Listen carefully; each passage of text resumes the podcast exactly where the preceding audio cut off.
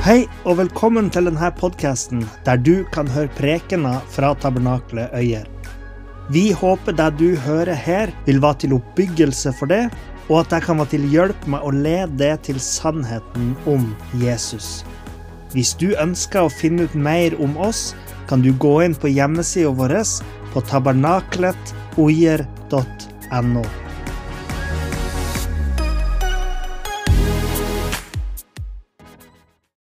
Det er jo slik at Gud han har gitt oss mennesker noen sett med regler for hvordan vi skal leve livene våre på best mulig måte.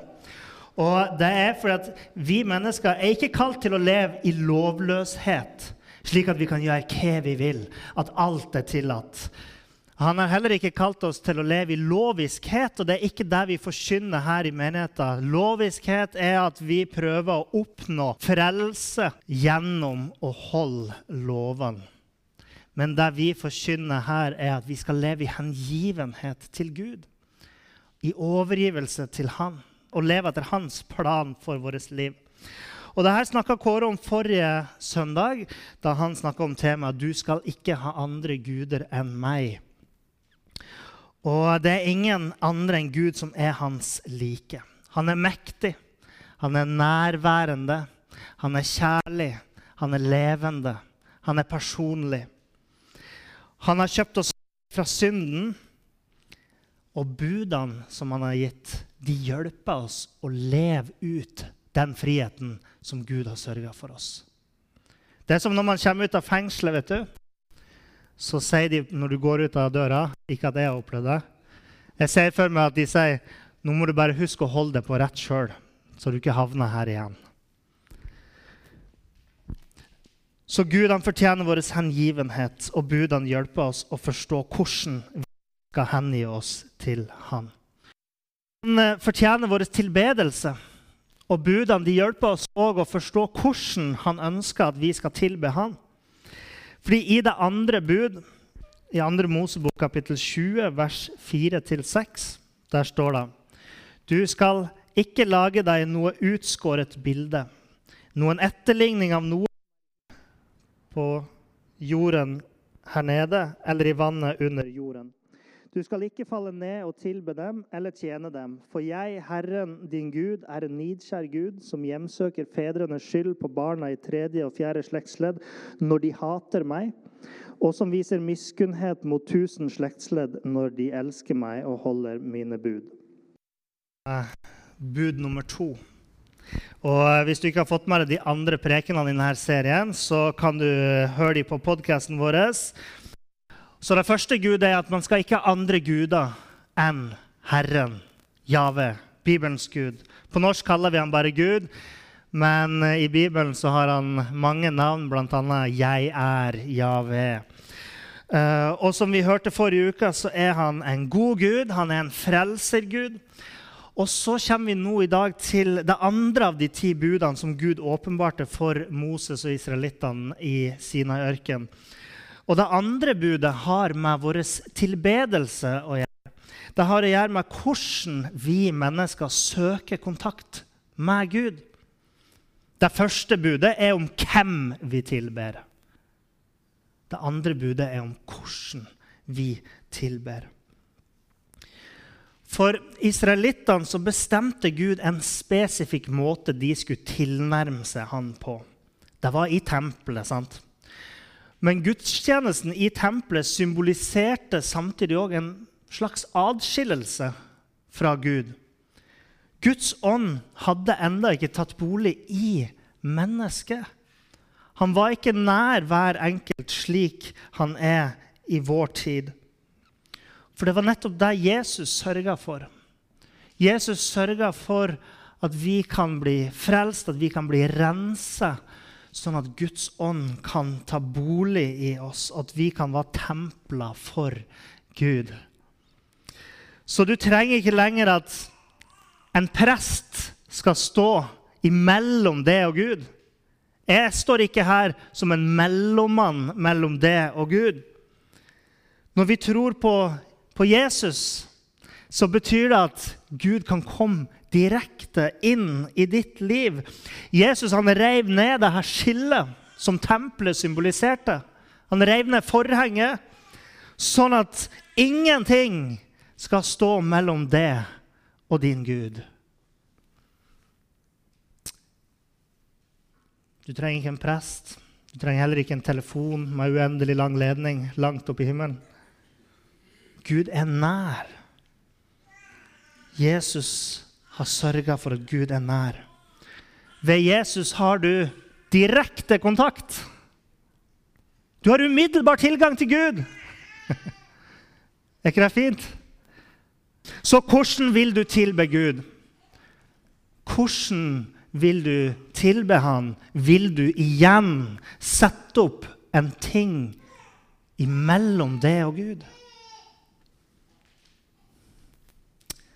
Jeg har hatt noen problemer med Facebook-profilen min over en jeg begynner å bli en lengre periode, som jeg bare ikke klarer å finne en løsning på. Og jeg er på et generelt basis sånn tålelig god på å finne løsninger på sånne her type ting. Man har jo Google som et godt verktøy. Uh, og jeg vet ikke om dere noen gang har prøvd å komme i kontakt med Facebook for å få hjelp fra de? Nei? Ja, én som nikker litt. Det er umulig. De har ingen offentlig e-post eller telefonnummer. De kan ikke snakkes med. De vil ikke at du skal snakke med dem engang. Du kan sende dem en liten sånn der eh, på en måte eh, feilmelding. Men jeg har aldri fått svar. Jeg har gjort det mange ganger. Samme feilmeldinger hver gang. Får aldri svar, og det er ganske frustrerende. Så hadde Facebook vært min gud, så hadde jeg nok vært frista til å spikke med en liten Mark Zuckerberg, så at jeg kunne få ut frustrasjonen min og, og bønnene mine til han. En liten avgud, en liten Mark Zuckerberg-gud. Så kanskje jeg hadde kobla opp alle enhetene mine samtidig. TV-en min, PlayStation min, telefonen min, dataen. Alt har jeg kobla opp på Facebook samtidig. Og så satt den figuren og lagde meg et lite Facebook-alter og bedt kjære Facebook, hjelp meg. Hør min bønn. Og vi kanskje synes at det høres litt sånn morsomt ut eller, eller, eller merkelig ut. ikke sant? Jeg ser jo at dere ler av det. Men det er jo veldig mange mennesker opp gjennom historien og den dag i dag som gjør noe som ligner. Ikke at de tilber på en måte Facebook eller har en Mark Zuckerberg i hjemmet sitt. Men, eh, men de lager seg gudebilder, figurer av gudene sine som man tilber. Og det er en helt vanlig form for tilbedelse den dag i dag.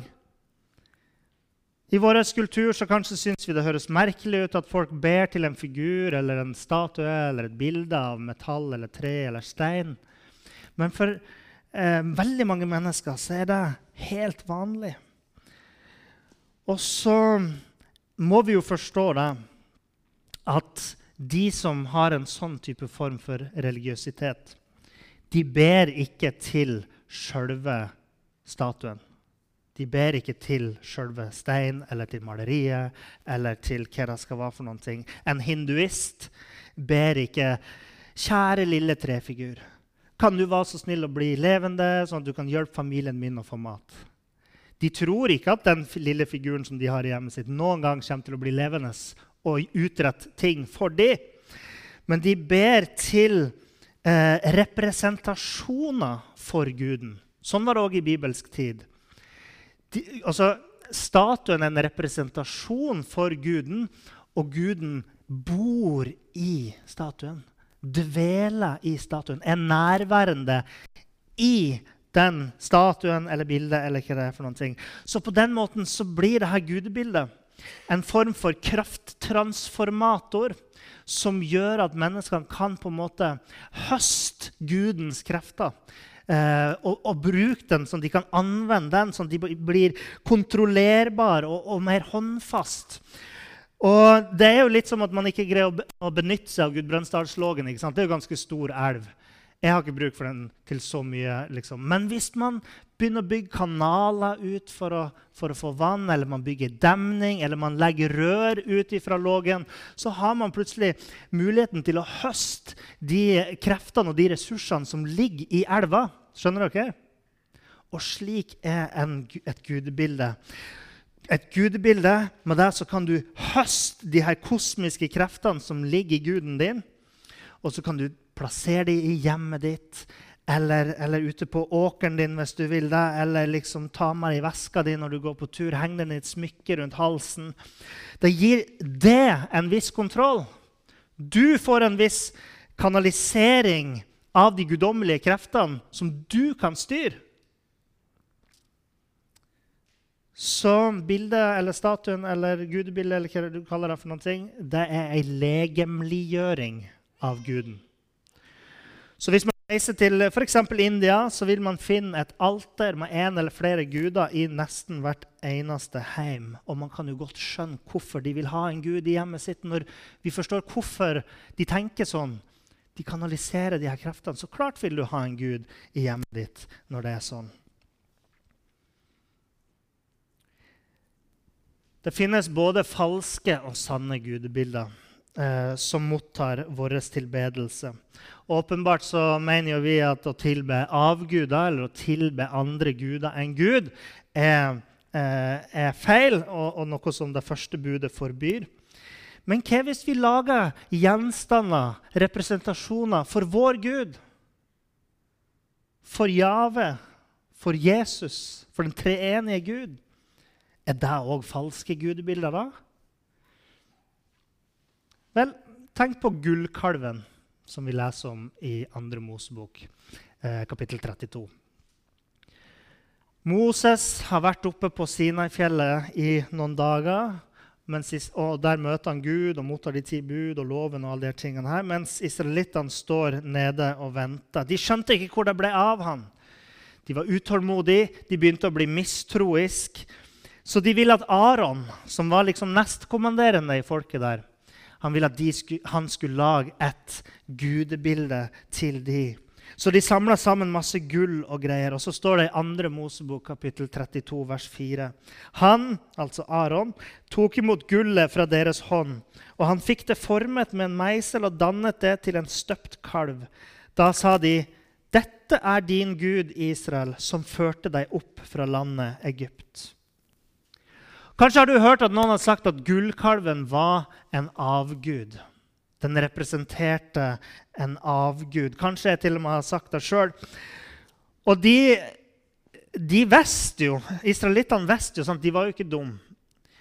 De visste at denne gullkalven det var ikke den statuen som hadde fridd dem fra Egypt. Det var ikke den statuen som hadde ledet dem gjennom ørkenen. og De her tingene.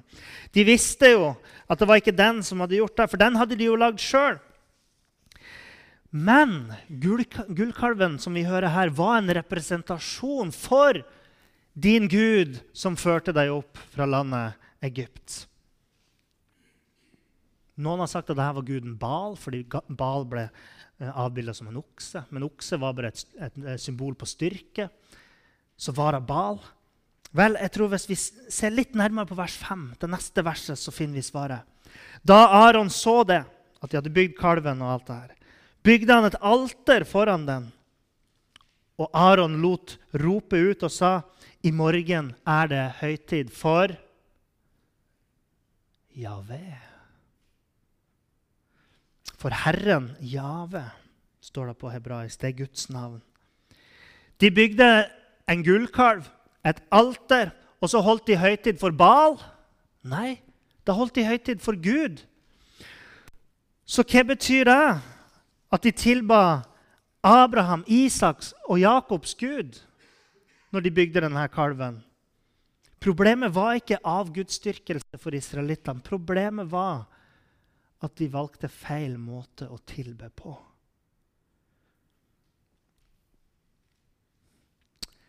Avgudsdyrkelse det tar jo det første budet et oppgjør med. Du skal ikke ha andre guder enn meg. Greit. Men du skal heller ikke lage deg et bilde av med å be til deg, sier Gud. Det spiller ingen rolle om du lager et bilde av en avgud, eller ber til et bilde av jomfru Maria, eller til en statue av Jesus, eller om du ber til korset, eller om du ber til meg, eller hva det skulle være for noen ting. Eh, alt dette faller utafor den typen tilbedelse som Gud ønsker. Er dere med? En av grunnene til at det ikke er rett av oss å sette fram et bilde som eh, skal forestille Gud for å be til deg, det er at et bilde som vi lager, eller et bilde som ikke er Gud, vil alltid være en feil representasjon av Gud. Eh, det er ikke en som vi mennesker kan fange essensen av, eller liksom greie å, å, å fange i et bilde i et øyeblikk i hva det skulle være for noen ting, i, i en tanke. Til og med bildet av Jesus gir ikke et bilde som vi kan tilbe. Og det ender med å være et falskt og billig bilde av hvem Gud er. Når vi prøver å skape et større gudsnærvær, et nærmere gudsnærvær, ved å stille han fram eller representere han som en fysisk ting, så er det et uttrykk for vår manglende forståelse og tro på Gud. Og Forrige uke så snakka Kåre om at det ligger en, en, usynlig verden bak den synlige. Og det er flere og flere som, som til og med begynner å tro på det her, sjøl om de ikke kaller seg på en måte kristen eller de kaller seg ikke teister, men de kan til og med være ateister. og Så tenker de det fins noe mer enn det som naturvitenskapen kan fortelle oss. Vel, det har vi sagt i tusenvis av år, så velkommen etter. Men vi mennesker har òg en trang til å gjøre det usynlige synlig. Gjør det usynlige håndgripelig, håndfast, forståelig. Fordi hvis vi kan se det, hvis vi bare kan se det, som Thomas sa til Jesus Hvis jeg kan ta på dine sår, så skal jeg tro på det. Og hvis vi bare kan se det, så føles det lettere for oss å kontrollere det. Og, og når vi prøver det, å kontrollere det, så gjør vi Gud mindre og til noe annet enn det han er. Og vi ender ofte med å skape han i vårt eget bilde. Tenk på paktskisten vi ønsker å kontrollere Gud, så tenk på paktskisten. Hvordan behandler de den? Den var hellig. Den var en representasjon for israelittene, at de hadde en pakt med Gud. fordi i paktkisten så lå de her to steintavlene som Gud hadde skrevet på med sin egen hånd, som, som de tok vare på og representerte pakten. ikke sant? Det var en påminnelse om at Gud var med det her folket. Jave sto på deres side, et tegn på Guds tilstedeværelse. Men det finnes en historie om da israelittene begynte å behandle paktkisten som et gudebilde, eller noe som de skulle kontrollere. De ønska å begrense Gud, kontrollere han. Det står i 1. Samuels bok, kapittel 4. Israelittene sleit med å vinne over filisterne. Og de hadde gått på et stort tap. Hvorfor var ikke Gud med dem, tenkte de. Hvor er han hen? Hvorfor støtter han ikke? Hvorfor backer han oss ikke? Så kan vi lese fra 1. Samuels bok, kapittel 4, vers 3-8 og vers 10 mens de var i krig. Der står det Da Herren hadde kommet inn i leiren, sa de eldste i Israel.: Hvorfor har Herren slått oss rett foran filisterne i dag? La oss hente Herrens paktsark fra Shilo. Når den er kommet hit, skal den frelse oss fra våre fienders hånd. Så sendte folket bud til Shilo for å hente paktarken eh, til herskarenes herre. Da Herrens paktsark kom inn i leiren, skjedde det. Hele Israel satte i et gledesrop så høyt at jorden skalv. Da filisterne hørte lyden av gledesropet, sa de, 'Hva betyr dette høye gledesropet i hebreernes leir?'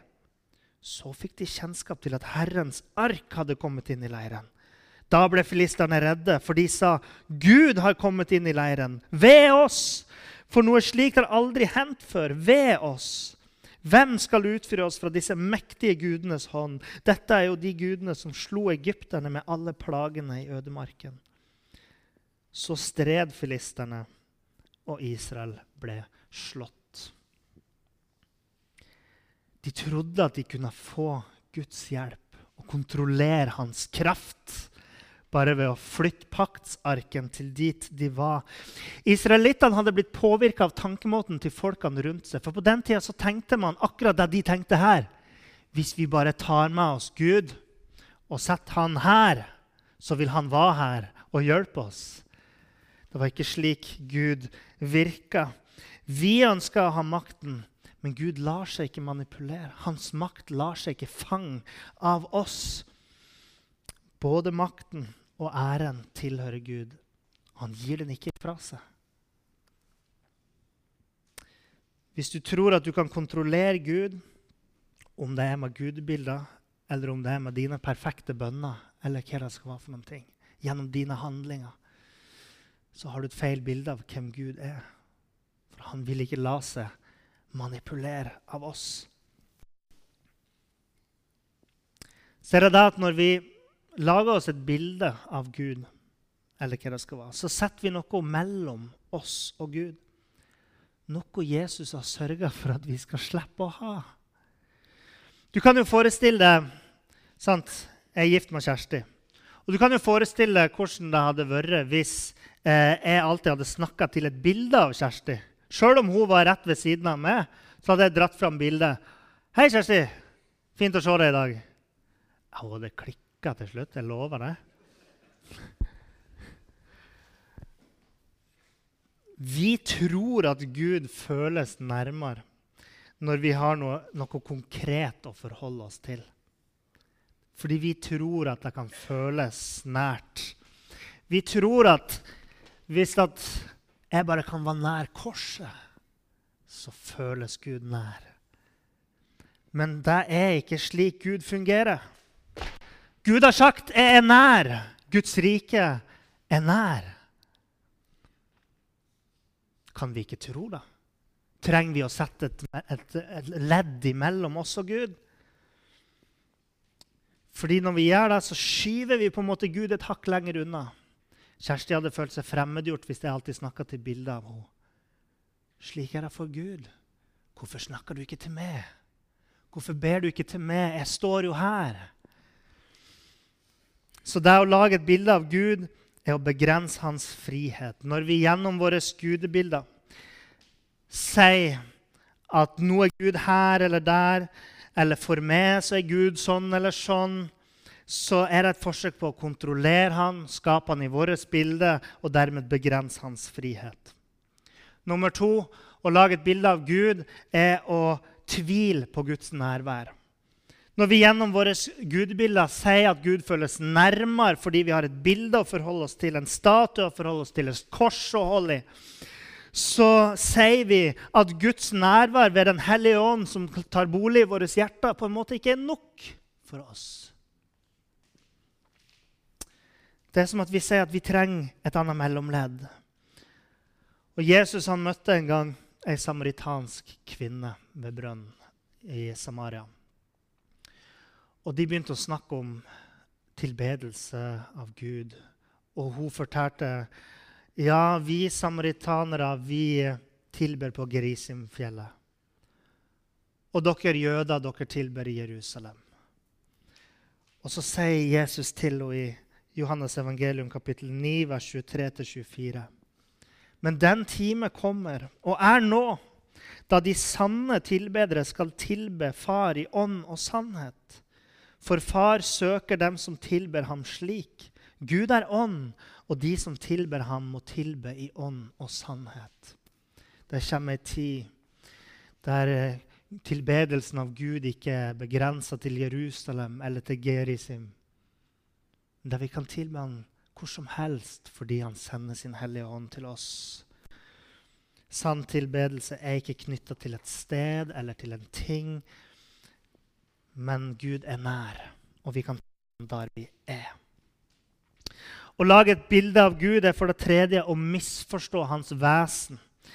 Med bilder av Gud og representasjoner av Han så tror vi at vi kan fange essensen og kontrollere krafta i Gud. Men sannheten er jo at vi verken i det fysiske eller i våre tanker kan forstå fullt ut hvem Gud er. Så hvordan skal vi prøve å representere han? Til og med Salomo skjønte det her.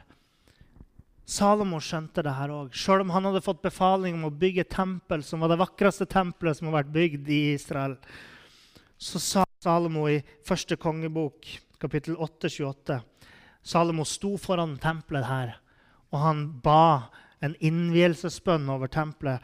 Til og med da så sier han, men kan Gud i sannhet bo på jorden? Se, himmelen og himlenes himmel kan ikke romme deg. Hvor mye mindre dette huset som jeg har bygd. Salomo, til tross for tempelets storhet og prakt, skjønte at min Gud kan ikke rommes av det her. Han skjønte at Gud var større enn det, og ikke var fanga av et hus. Så ved falske gudebilder så begrenser vi Guds frihet. Vi tviler på hans nærvær, og vi misforstår hans vesen.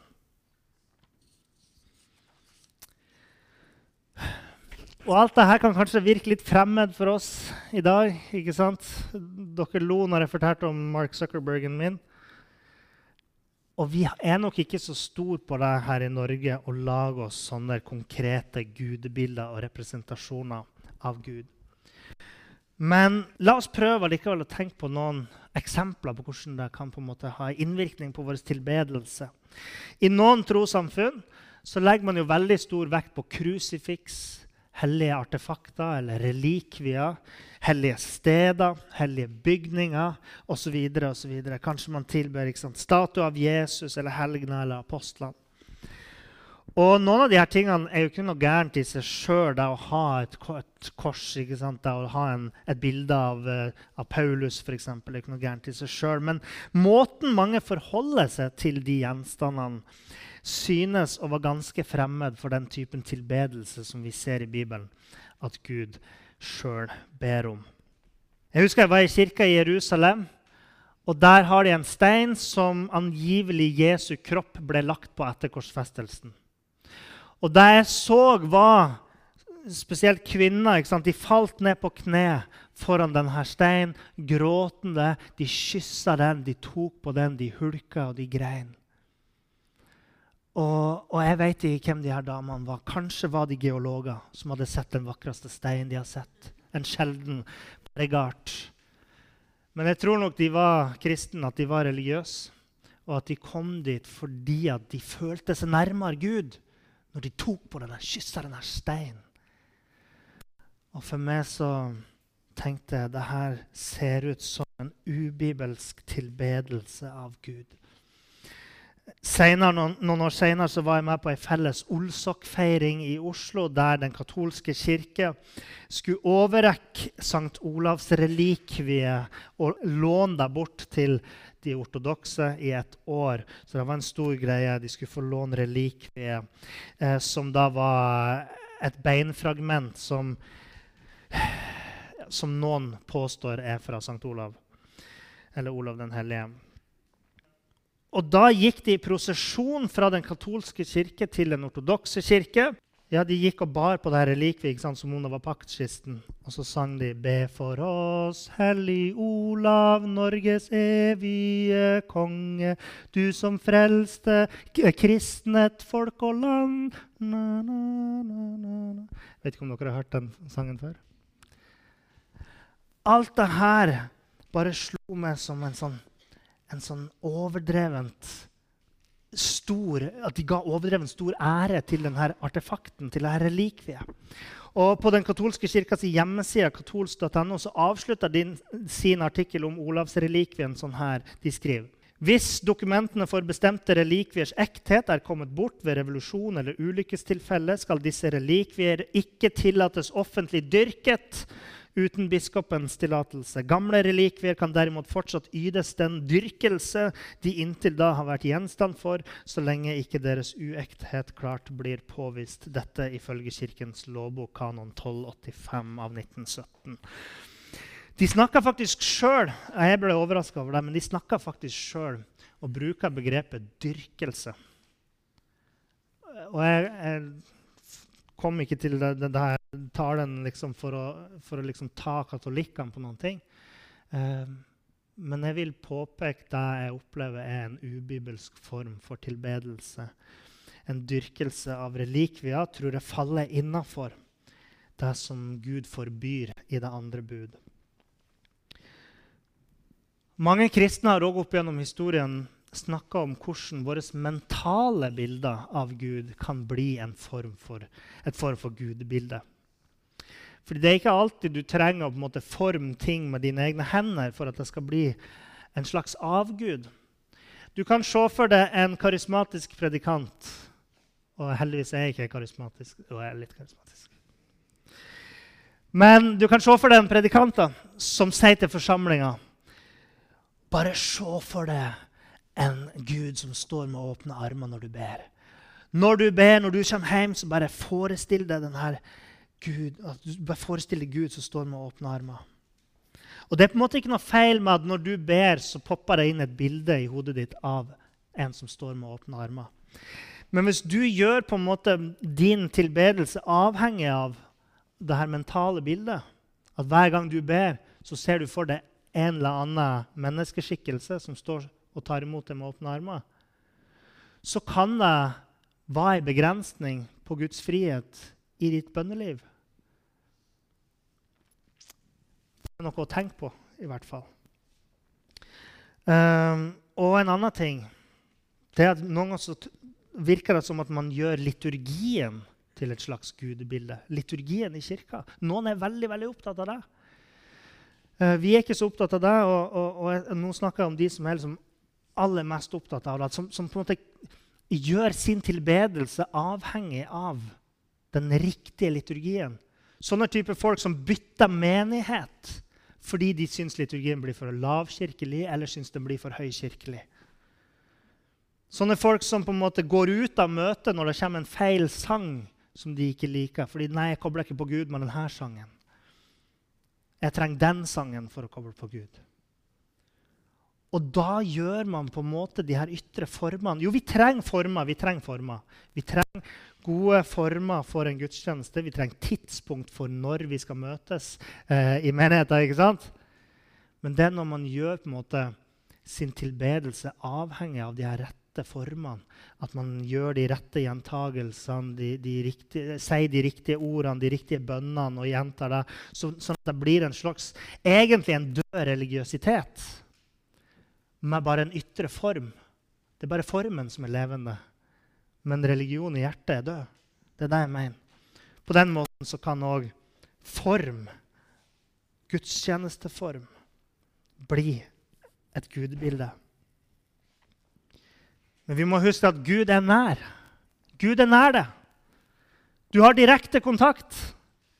Du trenger ingenting som står imellom. Når du tenker at 'jeg må ha den rette sangen', 'jeg må ha at uh, presten går og veiver på en sånn røkelsesbeger', eller hva det skulle være for noen ting, for å tilbe, så har du glemt at du har direkte kontakt. Det er du som legger begrensning på din tilbedelse. Det er du som på en måte setter eh, eh, en mellomting imellom det og Gud og sier 'jeg trenger jeg trenger. Jeg trenger å stå på kne når jeg ber. Jeg må løfte hendene, ellers så hører ikke Gud min bønn. Det er vi som skaper de her tingene. Men Gud er jo nær. Oh, hvis vi bare kan skjønne det, at han er nær oss, han hører oss. Gud vil at du skal komme til han og tilbe han sånn han har sagt at du skal tilbe han. Ikke sånn som du føler at det er rett for deg å tilbe. Jesus har latt det komme til Gud. Han har sørga for deg. Og det er din tro som gjør at han tar imot din tilbedelse. Det er ved tro, ikke ved alle gjerninger eller alle ytre ting. Men Jesus har gjort det at vi kan tilnærme oss Gud, og Gud vil at du skal tilnærme deg Han, og ikke sette noen ting imellom. I stedet for at vi skal venne oss til falske gudebilder, så har Gud allerede skapt noen sanne gudebilder. Han har um, allerede valgt noen måter å gjøre seg synlig i det usynlige på. Det første er Jesus Kristus, som er bildet av Gud.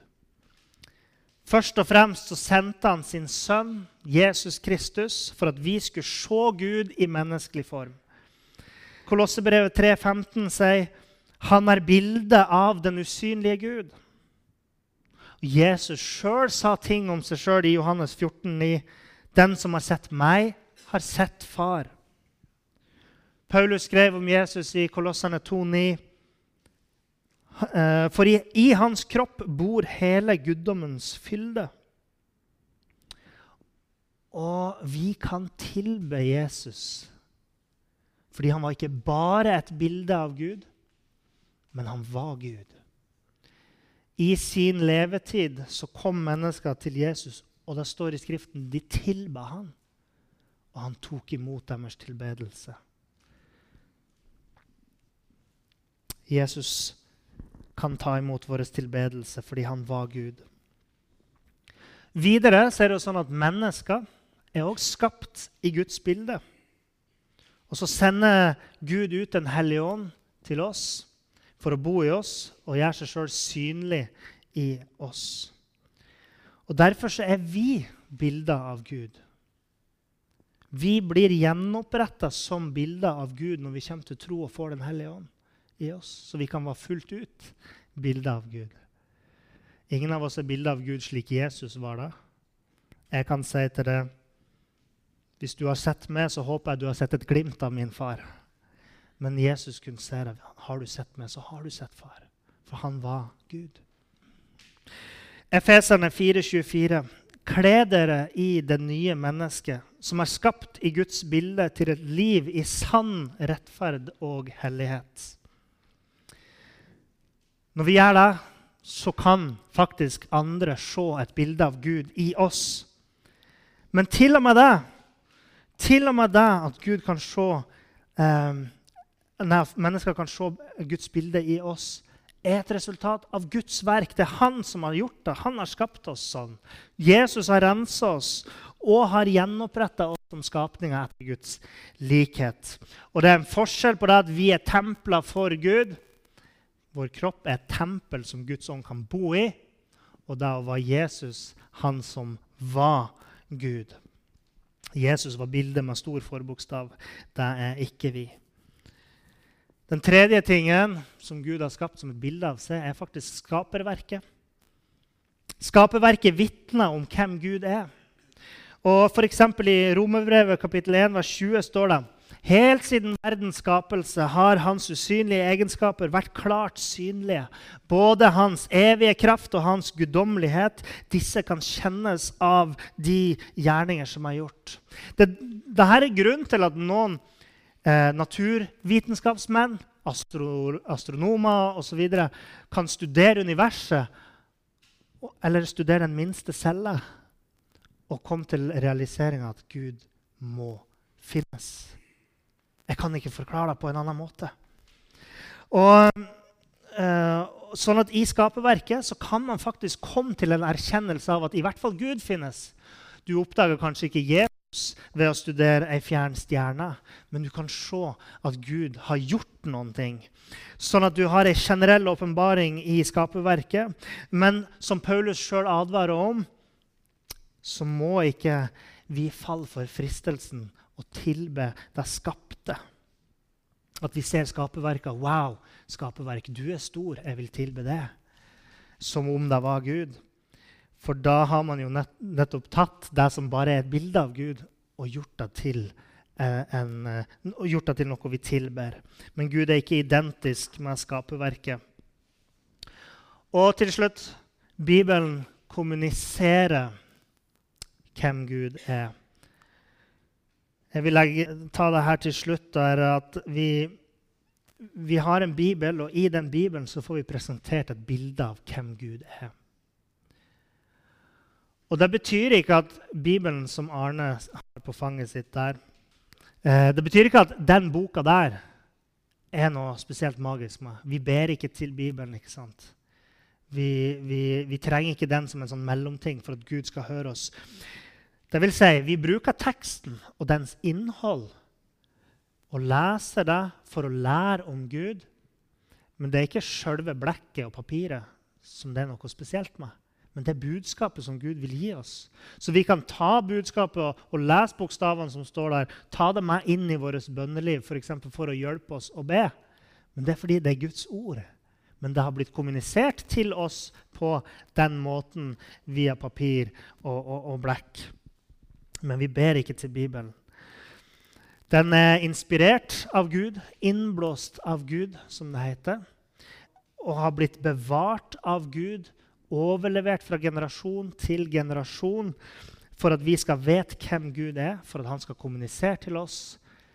Men eh, boka i seg sjøl er det ikke noe spesielt med. Så felles for alle de her sanne gudebildene det er at Gud er skaperen av de. Det vil si, Jesus Kristus er fra evighet av, men Gud sjøl valgte å komme til verden som et menneske. Det er Gud som renser oss og setter oss fri til å være bilder av Han slik Han kalte oss til. Det var Gud som skapte universet på en sånn måte at det skal kunne være et vitne om hans storhet. Gud inspirerte Bibelen og bevarte den for oss. Men vi skal ikke skape noen ting for å tilbe det. Og vi skal ikke tilby noe av det skapte som om det var Gud. Så jeg skal gå mot en avslutning. Gud har sjøl valgt hvordan han vil åpenbare seg i verden. Gud har sjøl bestemt hvordan han ønsker at vi skal tilnærme oss han. Og han har bestemt at han ville vise gjennom Jesus Kristus. Han har sagt at han vil legge sitt bilde i oss mennesker. Han har sagt at skaperverket vitner om han. Han har eh, gitt oss Skriften som et vitnesbyrd om hvem han er. Han har sagt at han kan bli synlig gjennom våre gode handlinger. Så det er han som er malermesteren. Gud er malermesteren, og han bestemmer sjøl hvordan bildet hans skal males. Det står en, en del til i det verset, i, i, i dette budet. Uh, og jeg skal ikke gå inn på det. Det kan jeg eventuelt ta og lage en podkast på. Uh, men det står at Gud er nidskjær i dette budet. Og jeg hadde en preken om nidskjærhet før sommeren, tror jeg det var. Hvis noen ønsker å forstå mer av hva det betyr Det høres strengt ut for oss, men, men det har en veldig god betydning. Og I denne sammenhengen så, så betyr det at Gud er opptatt av rett tilbedelse. Åpenbart ønsker han at du ikke skal tilbe andre guder. Akkurat som kona mi ønsker ikke at jeg skal gå ut og, og være sammen med andre jenter. Og um, Gud vil heller ikke at du skal tilbe på måter der du ender opp med å begrense Guds frihet og tvile på hans nærvær og misforstå hans vesen.